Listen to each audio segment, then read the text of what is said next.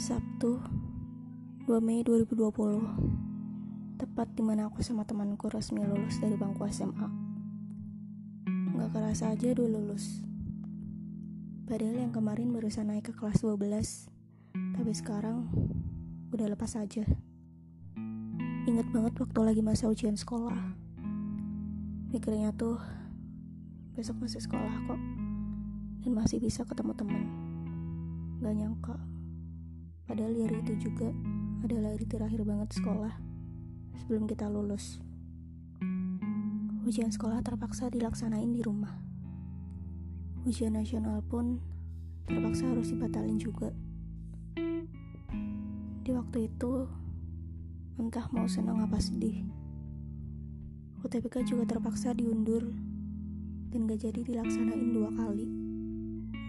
Semua pengumuman rapat disebar online berbentuk file secara mendadak.